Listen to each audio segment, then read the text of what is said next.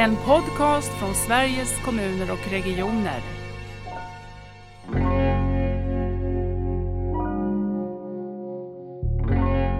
Och under de här åren så har det verkligen skett en förändring, liksom, har jag märkt som mm. både vårdgivare och patient. Och det har verkligen varit eh, på många sätt liksom, eh, en, en jättestor skillnad. Och det, har ju, det gör ju eh, fantastiskt stora, liksom, eller det får fantastiskt stora effekter på, på människors hälsa på lång sikt. Liksom. Mm.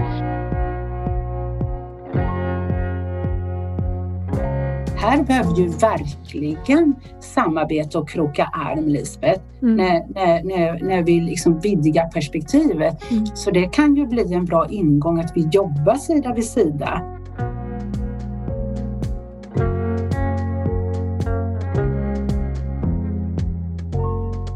Välkommen till Nära vårdpodden. Den här gången ska vi få träffa tre starka kvinnor som har ett stort engagemang för kvinnors hälsa och förlossningsvård och fundera på hur det kopplar till omställningen för nära vård. Så jag vill börja med att hälsa Maria Fernando välkommen eh, och Eva Nordlund och Eva Estling välkomna. Tack. Roligt att ni är här den här sena eftermiddagen när vi spelar in det här. Eh, Mia, berätta för oss vem du är. Ja, men jag heter Mia. Jag eh, är specialistfysioterapeut inom obstetrik, gynekologi och urologi till yrket. Eh, jag är också förutom kliniskt verksam också bloggare och författare. Eh, jag jobbar i primärvård, bor i Stockholm, har tre barn och min liksom, personliga ingång till ämnet och området är att jag fick en, en stor förlossningsskada när jag födde mitt första barn det var så jag landade i att jobba med, med det här. Mm. Och har, du, har du haft någon roll i programmet också? Vilken roll är det i, i kvinnors hälsa och det stora eh, uppdraget som finns? Ja, men jag har varit med dels några gånger eller upprepade gånger och pratat om patientperspektiv. På olika saker som, som satsningen gjorde. Och sen har jag också varit med lite grann som en tänkare eh, och tyckare kring lite olika projekt och sådär. Eh, var med lite grann i utvecklingen av graviditetsenkäten. Mm. Spännande, tack. Och Eva Nordlund, vem är du? Ja, jag är ju Svenska barnmorskeförbundets ordförande sedan ett drygt år tillbaka. och dessförinnan var jag vice ordförande i sex år så att jag har verkligen skolats in i den rollen och hunnit vara med om ganska många saker under den tiden. Dessförinnan tycker jag att jag ändå vill säga att jag stod ordentligt på barrikaderna och eh, var med och drev ett barnmorskeuppror en gång i tiden men så småningom så blev jag lite mer formaliserad och insåg att det finns olika sätt att driva saker på än att stå och mm. pingla med koskällor framför landstingshuset i Stockholm. Um, bakgrunden för mig är att jag har jobbat inom förlossningsvård och eh, delvis eftervård också under hela min karriär på nästan 20 år. Och eh, jag har fått uppleva lite olika typer av, av, av arbete på, inom slutenvården. Jag jobbade många år på Karolinska Huddinge och lärde mig väldigt mycket om att vara barnmorska eftersom vi tog hand om precis alla tänkbara eh, kvinnor där och familjer. Men jag har också fått uppleva en helt annan vårdform som eh, fanns på Södersjukhuset som kallades eh, Södra BB som var en uppföljare till ABC-kliniken och där höll man ju samman eh, vårdkedjan och eh, det var samma grupp barnmorskor som hade hand om både mödravård och eh, födslarna och eftervården och återbesöken. Och det var en stor genomgripande förändring för mig att, att få uppleva det. Mm.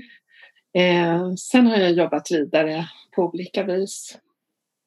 Mm. mm. Jag har också några barn och sitter just nu och tittar ut på tungt snötäcke här utanför i, där jag bor.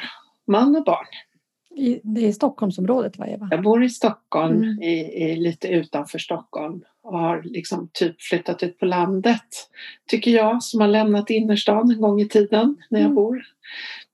Men när jag väl var i Norrbotten på en resa för några år sedan då kan jag säga att jag förstod någonting helt nytt. Det var en otrolig upplevelse, omvälvande för mig skulle jag vilja säga.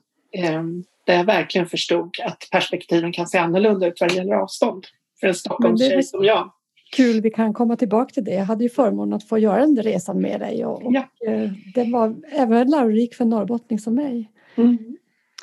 Eh, Sist men inte minst min kollega på, på SKR, Eva Estling. Vem är du? Mm, tack Lisbeth. Ja, vem är jag? Jo, jag är en person som drivs av utvecklings och förbättringsarbete. Hela min yrkesverksamma tid har präglats av att vara med, försöka liksom vara en del i ett förbättringsarbete. Och jag har jobbat på SKR sedan 2000, vad blir det, sex. Det är många år nu och eh, jag har också arbetat med patientsäkerhet. Det tror jag både du och jag Lisbeth, vi var med i patientsäkerhetsutredningen. Precis. Och sen arbetar jag med att eh, tillämpa patientsäkerhetslagen, stödja både regioner och kommuner i det arbetet. Och nu har jag den stora förmånen att vara samordnare för kvinnosatsningen. En förbättrad förlossningsvård och insatser för kvinnors hälsa. Och det är ju jätteroligt. Mm. Jag är ju själv kvinna och jag är fyrbarnsmor. Så det känns verkligen angeläget. Du ska strax få berätta mer om den här satsningen och så, men jag tänkte när vi ändå var på, på mm, geografispåret, var sitter du och tittar ut Eva idag? Ja du, jag sitter och tittar ut här över Västerhavet. Eh, jag sitter i en liten fiskeby kan man väl säga som heter Ulebergshamn. Eh, som ligger nära Hunnebostrand och Smögen. Mhm, Och De känner med- vi igen de två ställena. Ja, det tror jag. De, de är lite mer kända än Ulebergshamn. Och det beror på att, ja, hela covid-situationen så att säga, så jobbar vi ju på distans just nu. Mm. Och eh, därav då att jag sitter här uppe. Och du då Mia? Var finns Jag är, du? jag är i Stockholm. Just nu sitter jag på mitt jobb för det är för mycket barn hemma för att prata i lugn och ro. Okej, okej. Men hörni, vi börjar där tycker jag med den här eh, stora kvinnosatsningen som du har uppdrag att samordna Eva och som ni Mm. har olika, på olika sätt varit engagerade i. Eh, jag tänkte om man börjar på varför. Va- Varför kom den här satsningen till och varför är den viktig? Eh, Eva Estling, du kan väl börja berätta varför den kom till? Ja, det, det finns ju som sagt var mycket att göra både utifrån en jämställd och jämlik hälso och sjukvård. Och sen fick vi också till oss att eh, förlossningsskador, bristningar hade ökat och inte minst att det finns utmaningar med kompetensförsörjning. Och hur kan vi få till en mer personcentrerad, jämlik och sammanhållen förlossningsvård? Och i början av satsningen var det också mycket fokus på just förlossningen. Eh, men ju, ju mer tiden gick så blev det mer fokus på hur hänger vårdkedjan ihop? För att kunna stötta kvinnor för en trygg och säker förlossning så är det ju viktigt att kvinnan känner sig förberedd. Och den möjligheten har man ju att kanske jobba ändå lite mer intensifierat med inom mödrahälsovården. Hur hänger det ihop utifrån ett kvinnoperspektiv? Eh, och eh, just eftervård är också ett förbättringsområde. För här, här handlar det ju om eh, nyblivna föräldrar, barnet. Man kan ju göra väldigt mycket för att stödja för också att få, få synergier vidare och i föräldraskapet. Mm. Hur länge har den pågått? Säg när den Den har pågått sedan 2015 och då började i, i liten skala kan man säga. Så det är många år nu. Mm. Vad tänker ni andra om, om satsningen och varför det är viktigt att fokusera de här frågorna? Jag tänker att det var liksom just då kring 2015 och ja, men åren där i början så var det otroligt mycket prat om förlossningsskador och förlossningsvård och brister och bristningar eh, liksom i media och jag var en av dem eh, bland annat och att det var liksom uppmärksammades och det kom fram, verkligen fram att det fanns eh, kunskapsbrister inom vården och förlossningsskador som inte upptäcktes och inte syntes rätt och så vidare och så vidare. Eh, och under de här åren så har det verkligen skett en förändring, liksom, har jag märkt som både mm. vårdgivare och patient. Och det har verkligen varit eh, på många sätt liksom, eh, men en, en jättestor skillnad. Och det, har ju, det gör ju eh, fantastiskt stora liksom, eller det får fantastiskt stora effekter på, på människors hälsa på lång sikt. Liksom. Mm. Eh, så jag, som, som liksom lite bi, liksom, eller åskådare mm. men också medföljare i liksom det hela kan verkligen se att så här, men shit vad mycket som har hänt. Det är ganska häftigt du säger det på fem, på, sen på de åren. Det, är ändå, det kan vara lång tid men det är ändå inte så lång tid. Att det har hänt mycket saker. Och det börjar någonstans med att eh, man börjar prata om de här frågorna. Mm. Och jag tycker också att det har skett en sån kulturförändring. Jag kommer ihåg Mia, tror det var runt 2015-2016 när jag hörde dig i Visby i Almedalen och du sa det att vi måste börja prata mer om kiss, spice och sex. Kommer du ihåg det? Ja. Och det handlar ju också om hela den här satsningen att bryta, bryta tabun och börja prata om frågor som är viktiga för kvinnor. Mm. Mm. Eva, ja. Eva vad, säger, vad tänker du om tabun och Ja, jag sitter och tänker jättemycket här när jag lyssnar på er för jag skulle nog vilja ta historien ett steg bakåt till för att det var när vi stod på de här barrikaderna och började larma och stå i och eh, lyfta fram eh, att den här delen av vården Ah, tyckte vi var osynliggjord? Och att det fanns brister och precis som du säger Eva, Eva E, att, eh, att vi började mycket i förlossningsvården. Det handlade om mm. eh, brist på barnmorskor, eh, kvinnor som blev lämnade ensamma. Vi lyfte mycket perspektivet om att man ska inte behöva föda barn ensam. Man ska ha någon som står vid en sida när man åtminstone är aktiv födsel för att eh, också få bra resultat. För det vet vi ju och det lyfter vi fram att det där påverkar många olika saker, bland annat bristningar som vi då lyfter fram som exempel på dåliga utfall när det blir för mycket stress och det saknas barnmorskor. Så att där någonstans börjar det och när då den här sats, eh, vi var ju runt mycket och diskuterade mycket mm. och träffade politiker och, och sen blev det ett val och sen försvann en del av de där politikerna uppåt i, i regeringen och, och så kommer den här satsningen. Och vi eh, kände ju nästan som att här, yes, nu har vi uppnått någonting. Nu får äntligen kvinnovården pengar eh, som vi kan jobba med och försöka utveckla verksamheten och börja jobba evidensbaserat och hitta nya vägar. För vi var ju också väl insatta i att det fanns saker att göra vad det gällde till exempel bristningar. Men precis lika mycket att trygga, mm. ta hand om, skapa starkare vårdkedjor och vi drev, har drivit under många år i, i Svenska barnmorskeförbundet och många barnmorskor med mig att, att trygga, skapa vårdkedjor, kunna ge stöd. Eh, att inte vara själv under födseln, att tänka familj. Men också tycker jag idag med ett helt annat vidgat perspektiv att vad sa ni, sexet och kisset och bajset, det tycker jag idag tänker jag väldigt mycket också på eh, den äldre kvinnan. Att vi, nu måste vi fokusera på hela livscykeln. Vi har förlossningsvården, där vet vi vad vi behöver göra. Liksom. Mm. Men vi måste också titta på vad händer sen då när man ska leva kanske 50 år till mm. efter att man har gått in i menopaus eller klimakteriet. Jag tänker också på tidigare i livet. Så att nu är jag också där, att det finns många bitar att ta itu med för allting hänger ihop. Mm, och det är ju precis som du säger Eva, jätteviktigt och det har vi också tagit initiativ till att titta på hela livscykeln så att säga. Kvinnors hälsa utifrån ett livscykelperspektiv och avgränsningen sexuell och reproduktiv hälsa. Så jobba mer hälsofrämjande, var mer proaktiva i arbetet. Mm. Och, och, och då tänker jag också Lisbeth på kopplingen till nära vård. Mm. Den är ju oerhört viktig mm. när vi tänker så vårdkedja och som sagt var hela livscykelperspektivet.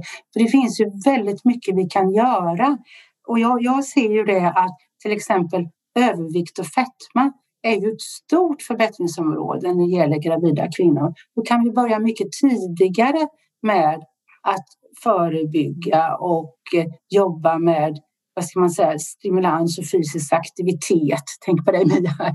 Det finns så oerhört mycket vi tillsammans kan jobba med om, om vi lyfter blicken, precis som du säger Eva, och vidgar perspektivet. Mm. Det här med, med folkhälsa och att, att arbeta eh, med de delarna i, i mm.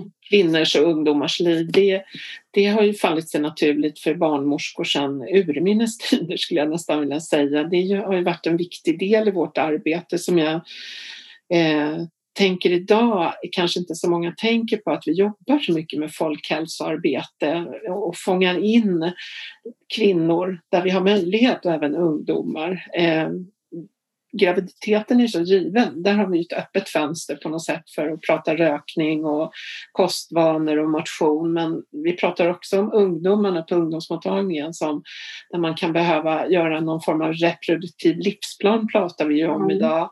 Vad vill jag? Vad står jag? Hur tänker jag kring, kring min fertilitet och hur kan jag påverka min hälsa? Och också såklart de äldre kvinnorna. Eh, mm. Så det här är en naturlig del i, i, i barnmorskearbetet som, som vi verkligen skulle kunna utveckla ännu mer, tänker jag. Mm. Eh, med tanke på hur viktigt det är. Mm. Jag tänker precis, jag, jag, du och jag, eh, Eva, pratades ju vid mm. tidigare en gång och då sa du, jag tyckte du sa det så bra det där att vi möter kvinnorna kanske för att de kommer till oss för att de är gravida eller Eh, så, men vi får en chans att prata om så mycket annat för de kommer ju inte dit för en sjukdom. De Nej. kommer dit i ett annat eh, tillstånd och jag tänker att det där är väldigt mycket av nära vård-approachen. Inte sitta och vänta på att människor ska bli mm. sjuka och då möter vi upp. Utan faktiskt skapa relationer som gör att man eh, också finns i människors liv där deras hälsa är. Den är ju inte i vården, den är i människors liv. Ja, det viktiga är att vi är där, där någon befinner sig under livet så att säga mm. och där kan vi ta chansen för vi har ju ett friskt perspektiv ända till det inte är friskt längre. För så händer det ju också för oss att vi möter kvinnor som har blivit drabbade av olika slag eller ungdomar, familjer. Men, men vi har ju sådana här ovärderliga tillfällen där vi kan fånga upp och påverka och finnas väldigt nära. Och därför behöver vi ju titta jättemycket på de här vårdkedjorna. Hur kan vi utveckla det ännu mer? Hur kan vi bryta eh, uppdelningen mellan slutenvård och öppenvård? Hur kan vi skapa övergångar som är eh, naturliga, där man mm. inte känner sig borttappad. Och, och, och, vilken del av teamet runt någon som föder barn eller vad man nu är i livet behövs vid det här tillfället? För det kan ju också se olika ut beroende på vad man har för problem. Så att, absolut. Jag tänker vi, vi måste fortsätta på den tråden men jag blev ändå nyfiken Mia på Eh, på din eh, fysioterapeutroll, för jag har faktiskt inte mött någon specialistfysioterapeut med den här inriktningen tidigare. Mm. Var finns du i den här eh, vårdkontexten? Ja, men vi, vi är ju utanför någon slags vårdkedja. Vi sitter ju ofta i primärvård eh, lite löst. Vi har varken till liksom, barnmorskemottagningarna eller gynmottagningarna eller sådär, utan vi hamnar fort, liksom, fortfarande bara bland eh, våra kollegor, alla vanliga fysioterapeuter. Eh, vilket är bra så tillvida att vi är, liksom jag som jobbar på en vanlig fysioterapeutmottagning har tillgång till gym till exempel. Så många av mina patienter är ju vanliga liksom, träningspatienter. Men utifrån sin, sin graviditet eller sin gynekologiska åkomma eller sådär. Eh, men vi har ju inga liksom, naturliga samarbeten med andra vårdgivare utifrån liksom, mer än det som vi har remisskickningsvägen Liksom, med våra nära liksom, närstående barnmorskemottagningar eller bäckenbottencentra eller sådär. Mm. Och här tänker ju jag Mia, hur viktigt det är att vi jobbar i team. Mm. Alltså att vi, vi matchar kvinnornas behov med olika kompetenser. Och de kompetenserna kan ju finnas också i nära vård, Lisbeth. Man tänker lite mer sömlöst så att säga. Man tänker lite mer hur kan vi skapa en vårdkedja? Ny, alltså ett nytt sätt att tänka helt, helt enkelt. Och jag har funderat en del på det och jag tycker att, att likväl som vi skapar en ökad trygghet för kvinnorna så skapar vi ju en ökad trygghet för medarbetare, för professionen, att man jobbar så. Mm. Eh, mm. och, och, jag är väldigt glad över, jag som har varit runt nu på, på besök, haft dialogmöten med alla regioner gånger två. Eh, och vi träffar ju också kontaktpersonerna för satsningen en gång i månaden nu digitalt. Att man hör att det är så mycket nytänk på gång. Mm. Att man jobbar på andra sätt. In, inte minst att man involverar kvinnan förstås. Mm. Eh, eh, man kan ju få väldigt mycket där i form av en stärkt egenvård, delaktighet. Man vill ju ta del i sin egen vård och behandling men också i, i det förebyggande hälsofrämjande arbetet. Mm. Om ni skulle säga vad är det allra viktigaste eller vad är viktigt nu att den här nära vårdomställningen eh, lär och tar vara på i det vi gör bra eller kanske också är eh, föregångare i just vad gäller arbetet med kvinnors hälsa Eh, så vad finns det för delar som vi nu måste värna särskilt mycket och kanske också sprida till andra områden? Har ni tankar på det? Ja. Mm. Du får styra Lisbeth här. ja, men kör, prata du Eva E. Jag, jag tycker ju att det är den personcentrerade vården. Att ta reda på vad är viktigt för dig. Och här har vi ju ett typexempel tycker jag på ett fruktsamt eh, samarbete eh, när vi tog fram graviditetsenkäten. Det var ju ni med Eva, Barnmorskeförbundet eh, och SFOG, Svensk förening för obstetrik och gynekologi och också bristningsregistret, graviditetsregistret, SKR. Och vi hade ju också fokusgrupper med kvinnopatienter. Du deltog ju där, Mia som jag tycker är jätteroligt samarbete. Det är ett exempel på när vi tillsammans gör, gör något bra eh, för, för kvinnor och gör också kvinnors röster hörda. Alla röster är lika viktiga. Mm. Så det bli... här sättet att jobba med, med enkäten, den skulle vi också kunna lära oss någonting av. Eh, till Sen, annat sätt att arbeta. Absolut. Sen tycker jag att en enkät är enkät. Det viktigaste är när vi tar hand om resultaten från enkäten. Och här skulle man ju till exempel kunna jobba med tjänstedesign. Det har vi också. Vi har haft ett spår nu inom ramen för satsningen eh, där vi hade ett antal pilotregioner kan man säga som jobbar just med tjänstedesign. Och jag tycker det är jättespännande. För man ser ju det att, att i ett arbete, det är ju så framkom ju många olika synpunkter från patienterna och från eh, professionen medarbetare. Och det var inte så jättemånga som var gemensamma. Så, så att det, det skapar ju synergier här för att kunna gå vidare och få en ökad förståelse för varandra. Mm. Eva, vad tänker ja. du att vi har lära av, av ert arbete? Ja, vi har lite olika ingångar här tänker jag. Vi, eh, Ja, jag är tillbaks i historien. Vi har ju vår historiska bakgrund. Vi har ju jobbat fram det barnmorskeri vi gör idag och eh, är en viktig del av kvinnovården sedan, sen, eh, ja, 1700-talet. Men lite mer aktivt i början i se, förra seklet. Så att, eh, jag tänker just när det gäller god och nära vård, det det har jag lyft tidigare att vi känner ju faktiskt en viss oro i Svenska barnmorskeförbundet över just det.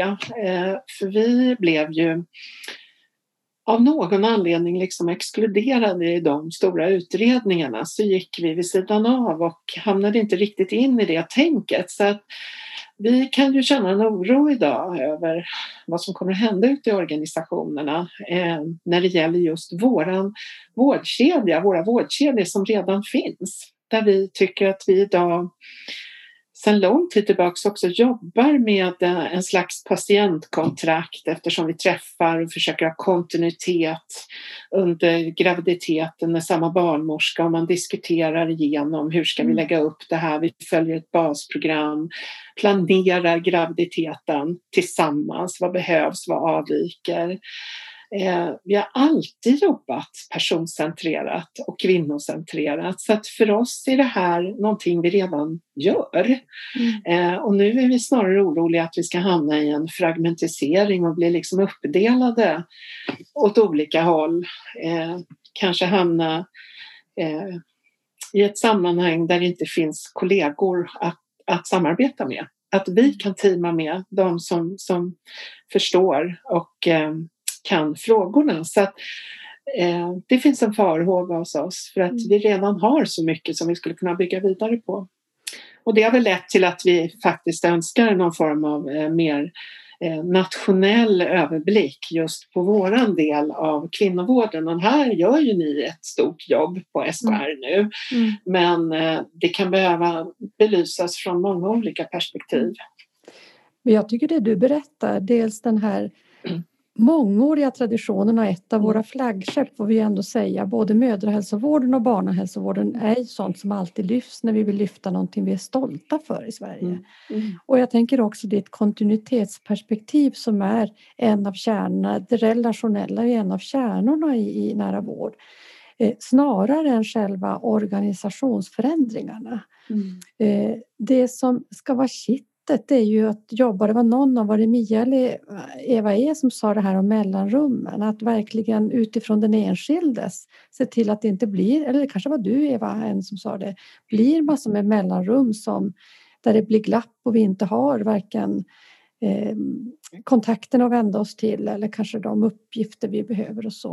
Och jag tycker att patientkontraktsperspektivet vore ju spännande att egentligen titta vad är det som skiljer det, vi, det ni redan gör inom kvinnosjukvården? Är det kanske det ni redan har och kan vi i så fall mm. eh, använda det i ett lärande? Så tycker jag, om jag får svara på det, mm. eh, så tycker jag att vi redan är där. Men jag vill verkligen vara ödmjuk och säga att det finns många saker vi behöver utvecklas i. Mm. Och där har ju satsningen gett möjligheter. Det är ju mm 1100 projekt eller någonting som mm. Vårdanalys i sin slutrapport kom fram till. Det är rätt spretigt, det finns en del som inte hänger ihop men vi har tagit tag i många saker och jag menar inte minst hur vi jobbade runt bristningar och att det var så olika i landet och så ojämlikt. Det är otroligt viktiga saker som vi har behövt granska oss i, skulle jag vilja säga. Så att jag vill vara ödmjuk. Jag vill inte mm. säga att vårdkedjan är på något vis fantastisk och vi behöver inte göra någonting, men vi skulle behöva utvecklas ifrån det vi har istället. Mm. Mm. Och, och då tycker jag, Eva, kommer man ju osökt in på vikten av ett systematiskt förbättringsarbete. Mm. Och det har vi ju inom ramen för satsningen eh, tagit fram. För under en av mina turnéer så, så kom ofta frågan hur hänger allt ihop? Man upplevde att det var lite som du säger, lite spretigt och att många nästan gjorde lite samma, om man säger så.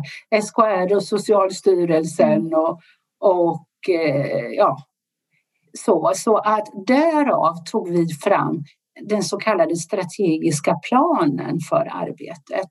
Och den har varit, tycker jag, en framgångsfaktor för att kunna tydliggöra där vi har då flera olika perspektiv. En personcentrerad vård, en säker, tillgänglig, kunskapsbaserad och jämlik. Så vi tittat på ett antal indikatorer för varje område.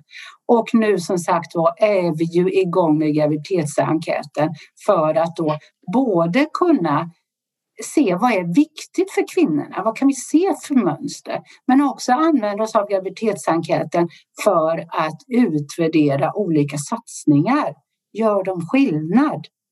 så jag känner att vi, vi är ju i en början här, men som sagt, vi, kommer ju aldrig bli färdiga utan vi måste ju jobba med ständiga förbättringar och följa med vår tid och eh, vad tycker kvinnorna och så vidare.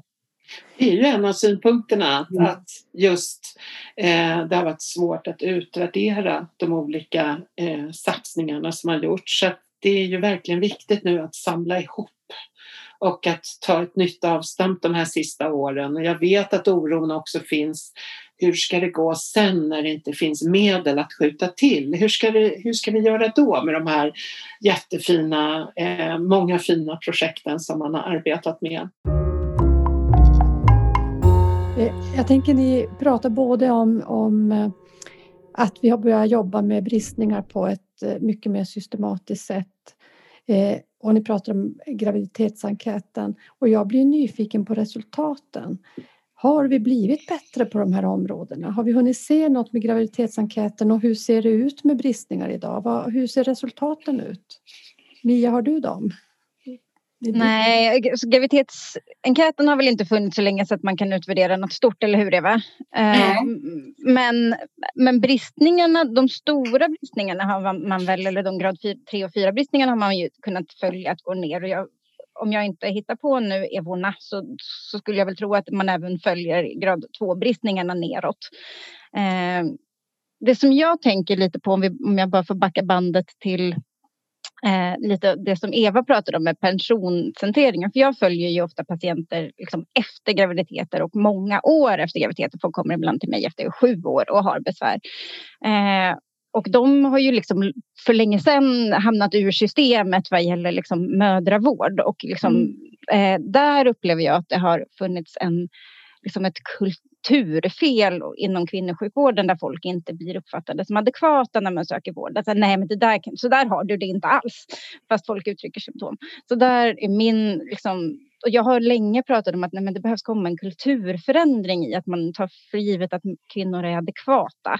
Mm. Eh, och det tänker jag, det är min stora förhoppning vad gäller liksom ökning av personcentrering inom kvinnosjukvården. Att man utgår från att folk faktiskt har en adekvat uppfattning om sin egen hälsa. Sen kan inte folk diagnostisera sig själva. Men, eh, men ser du någon, ja. kan, eh, vi har ju inte lätt att mäta kulturförändringar så, men Nej. känner du att eh, det går åt rätt håll? Jag tror att det går åt rätt håll eh, liksom i mödravårdskedjan. Eh, men de här kvinnorna som, liksom, som har problem som manifesteras lite längre efter graviditeter eh, eller där man, liksom, där man kommer på att man har symptom som är liksom, där man väl har trillat ur liksom, själva vårdkedjan. Där tycker jag att det är enormt mycket kvar att göra. Och den eh, attitydförändring, alltså det är ju, jag kan inte ens tänka mig hur man ska göra, men den behövs fortfarande. Mm. Och det är där då Mia vi, vi ska inleda. Vi har redan inlett ett arbete precis utifrån det du säger nu. Eh, att titta på kvinnors hälsa utifrån, som jag sa, ett livscykelperspektiv för att fånga upp kvinnor. Det ska inte vara skämmigt att, sö att söka. Det här är inte okej. Okay. Alltså, jag tror att många går och lider i det tysta. Mm. Känner att eh, vi vill vara med och bidra. Mm. Sen kan väl jag tillägga lite här, om jag får det, med resultat. Ja, eh, som, vi har sett, som vi har sett av satsningen. Vi ser ju till exempel att nöjdheten med förlossning har ökat. Ett antal procent så att säga, det kan vi se. Och bristningarna, precis som du säger Mia, har gått ner. Och nu har jag gluttat även på, på de senaste siffrorna och jag ser ju att det går ner ytterligare. Eh, men liksom valida siffror är ju en minskning från 2,1 till 2,5 till 2,1. Sen ser vi också att fler kvinnor kommer på eftervårdsbesök och det, ökningen är, är extra stor i grupper som tidigare inte kom på eftervårdsbesöket. Eh, så, så att den jämlika vården har ju också ökat. Och eh, screeningverksamhet har också screeningfrågorna ökat. Eh, och eh, ja. Hur mäter ni det där Eva? Det jag kom på så att säga. Vad sa du? Hur, hur mäter ni? Är det kvalitetsregistermätningar? Det, det är, ja, det är registermätningar eh, utifrån graviditetsregistret, bristningsregistret mm. och så vidare. Mm. Sen skulle jag också vilja tillägga att neonatalvården ingår i vår satsning också. Att det är en viktig del i vårdkedjan. Vi får inte glömma den vården och det kan vi också se förbättringar. Bland annat att eh, sepsisepisoder har minskat, alltså blodförgiftning. Mm.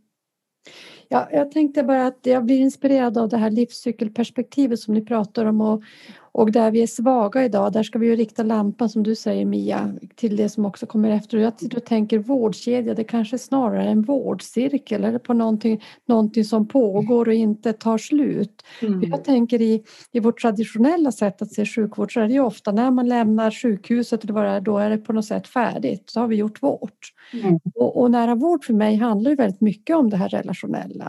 Att det också finns behov som, hem, som kommer efter man lämnar en förlossningsklinik eller en BB-avdelning eller vad man kan ha varit eh, i behov av sjukhusvård för. Där tycker jag... Ja, förlåt. Nej, kör Eva. Nej, men där, det, det, pratar vi ju oerhört mycket om i, i, i Barnmorskeförbundet. Eh, om kontinuiteten, att hela, se hela livsperspektivet. Och vi Eh, om man tittar på graviditetsenkäten till exempel så är vi otroligt glada över att den sjösätts nu. För de här siffrorna du pratar om Eva, det finns ju en del trubbigheter i det vad det gäller till exempel nöjdhet med förlossningen. Det är ett otroligt trubbigt instrument vi har använt. Eh, vid ett tillfälle frågar vi. Och det är klart att vi tappar bort många kvinnor som, som känner något helt annat ett år senare eller två eller tre år senare när man, har fått perspektiv på saker och ting. Så det kommer bli helt otroligt intressant att få se vad man faktiskt tycker när det har gått ett tag. Och det verkar ju som att eftervården är eh, fortsatt precis lika eftersatt. Och eh, det är ju otroligt viktigt att vi är innovativa skulle jag vilja säga och börjar tänka nytt. Och vi tänker ju också från eh, också lite annat perspektiv kring, precis som jag sa i början, det här med, med utfallen som då kan bli en illa bristning av något slag. Men vi tänker ju helhet och att vara trygg eh, under sin födsel, att få ordentligt med utrymme under graviditeten när man föd, eh, träffar sin barnmorska, att prata om sig själv och sina förväntningar och sina rädslor, att hamna hos rätt person om man kanske behöver ytterligare stöd, att sen i bästa fall kanske också för dem det passar ha eh, med sig samma barnmorskor innan man föder barn, vilket är nästan helt okänt i Sverige men finns nu inom ramen för satsningen på eh, Karolinska Huddinge så finns ett sånt här projekt med känd barnmorska hela vägen. Och att man sen också träffar sin barnmorska igen efter eh, man har fött barn och som också kan bedöma om man behöver andra insatser, vad det än nu ska vara.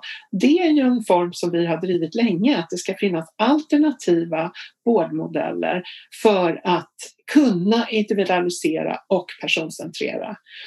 Eh, för det är så här att det vet vi också. De lider, kvinnor, och det kan vara små frågor och det kan vara stora frågor när man har fött barn. Och den här lilla, lilla, lilla stunden som vi har tillsammans med kvinnorna efter de har fött barn, den är ingenting. Det behövs otroligt mycket mer lyhördhet och att vi har möjlighet att möta upp och eh, lyssna in. Så vi har ju faktiskt börjat tänka att man borde ha ett eh, basprogram eftervård, precis som vi har ett basprogram under graviditeten som vi följer och där vi också har tydliga spår var man ska ta vägen om eh, någonting börjar avvika. Mm. Om det är då kontaktar man läkaren om det är så här, då kan man behöva en extra dietist och så vidare. Eh, eller sjukgymnast, fysioterapeut för den delen. Men det är naturligtvis att vi ska ha likadant även efter födslarna mm. och då ska vi jobba i team. Mm. Och då ser vi barnmorskan som liksom har följt med hela vägen som den som man pratar med, pratar sex med, förväntningar, rädslor och som också kan liksom triagera den vården efter födseln och se att här behövs det helt andra insatser. Och vi tycker också att det ska pågå under längre tid. Det räcker inte med en efterkontroll på 6-10 veckor efter utan många behöver mer. Så att basprogram eftervård eller ett vårdprogram för eftervården, det är dags för det nu i Sverige. Jobbar man inom kunskapsstyrningen för det här, tänker jag? Eh, absolut. Mm. Eh, jag sitter ju med i eh, NPO, det nationella programområdet för kvinnosjukdomar och förlossning. Och du är ju också, du har en stående punkt Eva, det är ju viktigt att vi jobbar ihop i de här frågorna så att säga och hittar synergier. Men ska man vara lite djävulens advokat så kan man väl ändå säga att eftervård har vi kanske inte varit huvudintresset alla gånger för alla i teamet men nu kan vi ju inte väja längre utan nu måste vi ta itu med den här långa viktiga perioden för kvinnorna och familjerna när de har fått barn. Eh, absolut, absolut Eva, det är ju ett eh, prioriterat område så att säga inom ramen för satsningen. Imorgon så beslutas det om en tilläggsöverenskommelse för satsningen på en, en halv miljard. Och det handlar just om en stärkt vårdkedja med fokus på eftervård. Mm. Eh, sen skulle jag också vilja ta upp eh, alltså jämlik vård. Det är ju inte samma vård till alla utan hur kan vi bli ändå lite mer, vad ska man säga, utifrån individ, att vi tänker så utifrån våra olika eh, arbetssätt i teamet. Och sen också hur vi använder orden. Eh, för när man har fött barn så, så pratar man ju om tidig hemgång. Och då, då kan man ju förledas att tro att är det för tidig hemgång? Den frågan måste man ju också diskutera. Alltså det kanske handlar om att stötta upp mer i hemmet och det finns ju flera regioner som jobbar med BB hemma till exempel och mm. vi vet att kvinnor önskar mer eh, informationsstöttning eller amning till exempel. Mm. Eh, det är ett förbättringsområde i sig. Så det finns ju oerhört mycket att göra. Jag måste ändå tänka på det här jämlikhetstemat och den här liten mm. cliffhanger som finns i, i, i vårt program idag, nämligen eh, Eva som sa att det var så viktigt för dig att göra det här besöket i, mm. i norra delen av Sverige och det var ju också på satsningens initiativ Eva som vi fick åka med och jag gjorde det i min roll i Norrbottens, eh, Region Norrbotten då. Och, mm, så berätta Eva, vad var det du eh, upplevde och såg och hur möter vi den här stora olikheten som ändå finns mellan storstäderna och de riktigt glesbefolkade eh, regionerna som kämpar med kompetensfrågorna? Nu menar du mig, Eva Eva N. N jag tänkte Ja, alltså äh, där kommer vi upp till Norrbotten. Eh, jag har aldrig varit i Norrbotten. Jag är en Stockholmstjej ända ut i fingerspetsarna men helt öppen och liksom inte så. Eh, men jag kommer upp till Norrbotten och får se dessa avstånd. Jag får se en väldig massa utmärkt vård. Eh, ambitiösa tankar, mycket vårdutveckling men också en otroligt realistisk eh, beskrivning av hur det faktiskt är att ha ett par timmar till närmsta förlossningsavdelning. Mm. Och hur det faktiskt är när man verkligen inte har barnmorskor att tillgå, mm. ens för pengar. De mm. finns inte. Mm. Och, och, när man beskriver att ja, nu har vi tre eller vad det nu var, fem som går utbildning i Umeå. Men tyvärr, de bor allihopa vid kusten så att de kommer inte vara intresserade av att jobba i den inre delen av Norrbotten. Eh, där någonstans så, så drabbades jag och tänkte, men vad har vi sagt? Vad har vi gjort?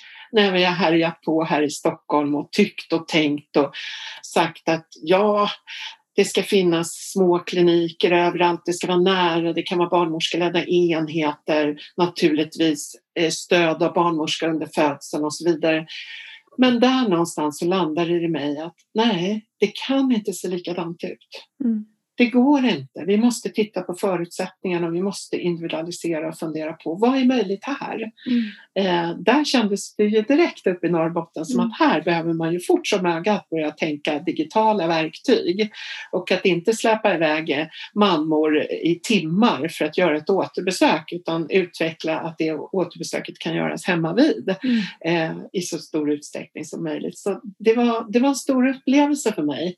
Eh, ska jag vara riktigt personlig kan jag säga att jag faktiskt nästan drömde om det lite en period efter den här stora fantastiska naturen men också mm. att det tog på mig. Mm. Att lära mig att vara ödmjuk för mm. olikheterna. Tack för att du, du delar den eh, bilden. Mm. För det är verkligen det vi brottas med också, att kunna göra det här på ett bra sätt så det blir jämlikt trots att det kommer att vara olika sätt att bygga det. Mm. Och tog också upp det här med det digitala inslaget, för det var jag nyfiken på om ni funderar och jobbar någonting kring. Mia, möter du det i din vardag? Ja, men nu sen pandemin så jobbar jag ju väldigt mycket med videobesök till exempel. Eh, men det går ju inte att göra gynkontroller på video till exempel. Eh, det är ovärdigt att ens tänka tanken. det är ju liksom allt som är ett hantverk går ju inte att sköta digitalt. Men allt som är eh, råd och sjukhistoria och bemötande och inlyssnande och bollande och sånt går ju väldigt bra. Mm. Och det tycker jag att jag upplevde att liksom pandemin kom som en väldigt liksom stor, så här, nu kör vi, nu måste det här hända och att det har tagits emot väldigt väl av patienterna. Jag, liksom, jag tror ju att det är här för att stanna, eh, men mm. att vi behöver också ta tillbaka de fysiska mötena i större utsträckning där det verkligen behövs. Det går inte att utesluta. Liksom. Mm. Det håller jag verkligen med dig om Eva, mm. eller eh, Mia. Det, det kommer vara mycket vi kan ta med oss efter den här pandemin som, som kommer vara öka jämlikheten. Eh, mm. för att det går att ha så många samtal och möten på i just de digitala medierna. Så det, när vi är förbi det här så blir det viktigt att summera. Vad ska mm. vi stanna kvar i? Mm. Och jag, jag, kan säga att vi, vi har gjort en liten halvtidssummering. Att vi har tittat på just eh, de digitala arbetssätten. Där covid-19 har gett en extra skjuts. Det vi ser nu att kvinnor eh, tar sitt blodtryck, kollar sin urin hemma och sen följs det upp med hjälp av ett digitalt besök. Och det skapar ju också förhoppningsvis en ökad delaktighet, att man tar en del så att säga i, i sin egen vård och behandling. Så att jag håller med, det känns verkligen som det här för att stanna. Och, och, många kvinnor upplever det också positivt att, eh, om man nu säger så, slippa åka in alla gånger med tanke om man har fler barn och så vidare. Mm. Men det måste ju vara efter behov. Mm. Men jag tänker att det är så viktigt det ni säger att eh, det är lätt att tänka att vi har lärt oss i vården men det är ju också någonting, det här är ju ett sätt man har upp, fått uppleva nu att man kan få delar av de här tjänsterna som vi annars alltid har tänkt att vi måste kalla folk till oss. Mm. Man kan få dem mycket mer i sin egen miljö hemma för att man har fler barn och inte behöver komma in. Och det, den kraften också, det är ju en kunskapsresa också i befolkningen. Att så här kan det gå till och så här kan det se ut. Och väldigt mycket en del också den nära vården som handlar om nya sätt att eh, ge tjänsterna på. Samtidigt som man måste tänka då hela tiden individualisera, mm. personcentrera. Vad behöver just du när man har någon framför sig? För eh, vi har ju föräldrautbildningen nu som har blivit helt nedlagd under pandemin och det, det passar ju vissa jättebra naturligtvis, effektivt om man är eh, hemma liksom och var i den här miljön på datorer. Men, men andra behöver ju gruppen mm. och gemenskapen och mm. känslan att inte vara ensam. Så att det går aldrig att bortse från att vi måste tänka individ mm. när vi är på väg att och, och dra iväg nu och förändra vården. Mm. Eh, sen finns det ju saker som måste göras, precis som Mia säger. Det går inte att göra en vaginalundersökning via datorn. Mm. Och, och något som vi kanske inte har pratat så mycket om det är ju också eh, kvinnor från olika kulturer. Mm. Eh, här har ju vi sett till exempel ett stort behov av översättningar som ett första språk mm. eller som en första del så att säga. Nu under pandemin eller hur som eh, helt satsning? Ja, nej, mm. inom ramen för satsningen kan mm. man säga. Mm. När vi tittar på att utveckla vårdkedjan. Och där har det ju också blivit eh, några spännande liksom, satsningar inom projektet. Mm. Här, mm. I Stockholm har vi haft Dola och kulturtolksprojektet som verkligen har kunnat utvecklas vidare och nu är igång med akutdoler och eh, eh, doler, planerade doler som, som kan hjälpa de här utlandsfödda kvinnorna som har mycket sämre utfall både vad det gäller dödlighet och, och sjuklighet. Så det, det, det, är ju någonting vi måste fortsätta med. Mm. Oavsett om pengarna är slut så känns det som mm. att den här gruppen får vi aldrig tappa. Eh, och de, de måste... är ju fortfarande svåra att nå, tänker jag, med eftervård. De mm. kommer ju inte på eftervårdskontroller mm. eller framförallt de, det som jag vet om med de som får stora bristningar som inte kommer på liksom, läkare eller fysioterapeutbesök. Så, så där behöver man ju också nå med informationen om värdet av fortsatt uppföljning mycket, mycket tidigare eh, på rätt språk och på rätt sätt, tänker jag. Men kan den här eh, DOLA-verksamheten eller det sättet att jobba egentligen med civilsamhället, för det är det man gör, skulle den kunna också vara lite mer livscykelperspektiv, i alla fall eftervård? Eller? Det tror jag. Mm. Mm. För här tänker jag också att det är också ett område där jag tycker att ni har kommit långt inom kvinnovården och som vi verkligen skulle behöva ta vara på i utvecklingen av den nära vården. Att koppla ihop sig med civilsamhället, med just den här DOLA-verksamheten. Jag besökte en sån i Göteborg för ett antal år sedan och var otroligt imponerad av, mm. av de insatser som gjordes där. Och, och, inte bara det, det blir ju en integration i, i samhället för de kvinnor som, som eh, blir doler på det här sättet som är formaliserat. Det är ju verkligen inte, det, de utbildas och, och, och det finns ramar och trygghet och struktur de får också en språngbräda in i det svenska samhället om man mm. nu inte har det. Så det är ett sätt att liksom bli en del av ett sammanhang. Så det finns så många bra effekter runt det. Förutom att vi kanske verkligen kan förbättra de medicinska utfallen.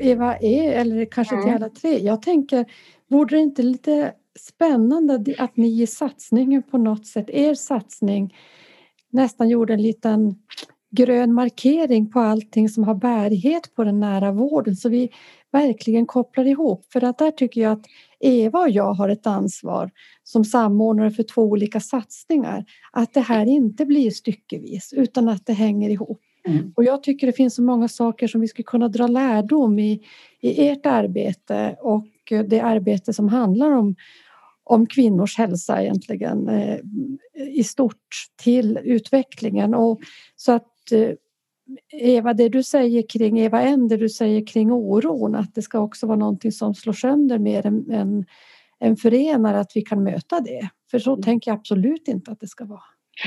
Och där är det ju bra om vi kan befrukta, eller vad man ska säga, det var ju rätt ord i våra sammanhang, men, men att, att, att vi har en urgammal modell som, som går att utveckla vidare och som vi kan lära av varandra. Men vi har saker som behöver utvecklas och det, det finns ju maktstrukturer också som, som också måste finnas med i, i det här när man funderar på hur satsningen liksom eh, hur, den, hur, hur, pengarna delas ut, vem är det som bestämmer, vad har vi för övergripande eh, vad, hur, hur, jobbar vi övergripande för att se att alla perspektiv tas med? För att det finns ju också med som en, ett mål i satsningen att, att, eh, att utveckla arbetssätt och så vidare. Och där kan jag ärligt säga från Svenska barnmorskeförbundet att vi tycker det går trögt eh, med delar av de saker som, som vi eh, har pratat om väldigt många år. Kontinuerligt stöd av barnmorskan när man föder barn eh, och inte minst olika typer av vårdmodeller där min barnmorska liksom är ett flaggskepp nu eh, på Huddinge. Men det är helt omöjligt att ens en gång tänka sig något liknande i Göteborg fast det också är en storstad och eh, där man har en helt annan syn på den forskning och den evidens som finns. Och vem bestämmer det? Så att det finns ju en del fällor också eh, när det gäller med hierarkier och organisationer så att vi får mycket verkstad och får med alla perspektiv och inte glömmer kvinnorna och familjerna som i slutändan också måste bli mer involverade. Ja, precis Eva, det var det jag ville poängtera. Vi får inte glömma, alltså vad säger kvinnorna? För nu mm. pratar vi om organisation och arbetssätt, men det mm. handlar ju om att matcha eh, arbetssätt, kompetens utifrån kvinnornas behov. Det är väldigt mm. centralt. Men jag skulle vilja säga som så här Lisbeth, som lite svar på, på, på din fråga, mm. att vi har ju en vision för satsningen. Det är ju trygg hela vägen mm. före, under och efter graviditet och förlossning. Men när jag sitter och tänker och hör er alla här så tänker jag att vi skulle kunna mynta en vision trygg hela vägen, alltså kvinnans alla åldrar. Mm. Eh, och här behöver ju verkligen samarbete och kroka arm, Lisbeth, mm. när, när, när, vi liksom vidgar perspektivet. Mm. Så det kan ju bli en bra ingång att vi jobbar sida vid sida mm. när vi nu tittar på områdena så att säga. Verkligen, verkligen. Jag Vad tänker också, vi, vi, vi vill gärna berätta eh, de eh, goda eller de lärande berättelserna om den nära vården. Och här tycker jag att det är viktigt att vi fångar de berättelser som ni har. Vi tror ju, är ju övertygade om att genom att berätta också saker som fungerar, som är bra, där kvinnorna tycker att det är bra, så skapar vi ju också ett, en, en lust, vi skapar en, en tro på att det här går. Det, det, är en viktig del i arbetet. Så det ska vi också tillsammans kunna fundera på. Vilka berättelser vill vi berätta? Tillsammans. Mm. Och vi behöver ju också förändra vårt synsätt och det kan jag se att vi inom vården behöver också våga tänka nytt och mm. lyssna in och förändra. Vi har också ett annat exempel inom satsningen eh, eh, uppe i Västernorrland där, där man på eh, barnmorskemottagningen har ändrat sina arbetstider som annars är mycket kontorstid men man börjar jobba kvällar och helger och möter upp kvinnorna där de är och gör enklare kontroller inför att de startar sin förlossning så att de slipper åka flera timmar eh, till närmsta sjukhus. Och där tar barnmorskorna hand om på, på barnmorskemottagningen och, och, och eh, ger den första, första eh, kontrollen. Och det är sådana här saker vi måste jobba med. Att mm. hitta olika mm. sätt att, att bryta upp och använda alla i vårdkedjan. Mm. Speciellt som jag som barnmorskebrist mm. så behöver vi också tänka nytt. Precis. Jag tänkte Mia, du börjar med att berätta så spännande att du också har, är en bloggare och jag tänker på det här med berättandet. För det är mm. också en arena för berättelser. Det är berättelser, gissar jag, som du kan förmedla av kvinnor som du möter eller jag vet inte, berätta om din blogg. Alltså min blogg eh, har ju varit mycket mer av berättande art utifrån eh, liksom min egen graviditets och förlossningsskadehistoria. Sen nu är den ju väldigt eh, klinisk skulle jag säga. Jag jobbar mycket med liksom, eh, evidensbaserade inlägg där jag försöker ha liksom, fakta och referenser. Eh, så att, men däremot kommer ju berättandet eller berättelserna till mig i form av meddelanden och kommentarer. Jag får ju otroligt mycket eh, mejl och berättelser till mig från, från kvinnor. Mm. Eh, och de har jag ju mycket använt utifrån när jag har skrivit böcker. Att det har vi också tagit med väldigt mycket berättelser i, i böckerna. Mm. Och berättelser kan ju kombineras, eller ska väl kombineras med evidens. Det är ju inte varandras motsats. Utan Nej. det är otroligt viktigt att kunna... För jag tänker också att ett helt annat sätt att kommunicera med eh, med invånare och patienter finns ju idag och det behöver vi också i vården på tal om att lära nytt Eva. Att det är ju säkert så att det här måste vi, har vi också mycket att lära. Vi ska börja avrunda. Det eh, gick väldigt fort och, och, vi har varit många i det här samtalet men det har varit jätteintressant för mig som inte finns så nära satsningen och, och era områden. Eh, jag vill sluta med att eh, avsluta med att ställa frågan om vad nära betyder för, för er. Jag tänkte Eva E, du ska få börja. Vad betyder nära för dig? Ja, det första jag tänker när du säger nära, det är trygghet. Mm. Att jag vill känna mig trygg. Och då kommer jag ju också inför att känna mig trygg så kommer jag också tänka på relation och det har vi ju flera av oss lyft här idag. Trygga, goda relationer. Att man känner tillit. Mm. Och det är vad, vad jag kommer att tänka på när det gäller nära. Men det är ju oerhört viktigt att fundera på vad tänker du, du, du och kvinnorna om vad är nära för er? För det kan ju se olika ut.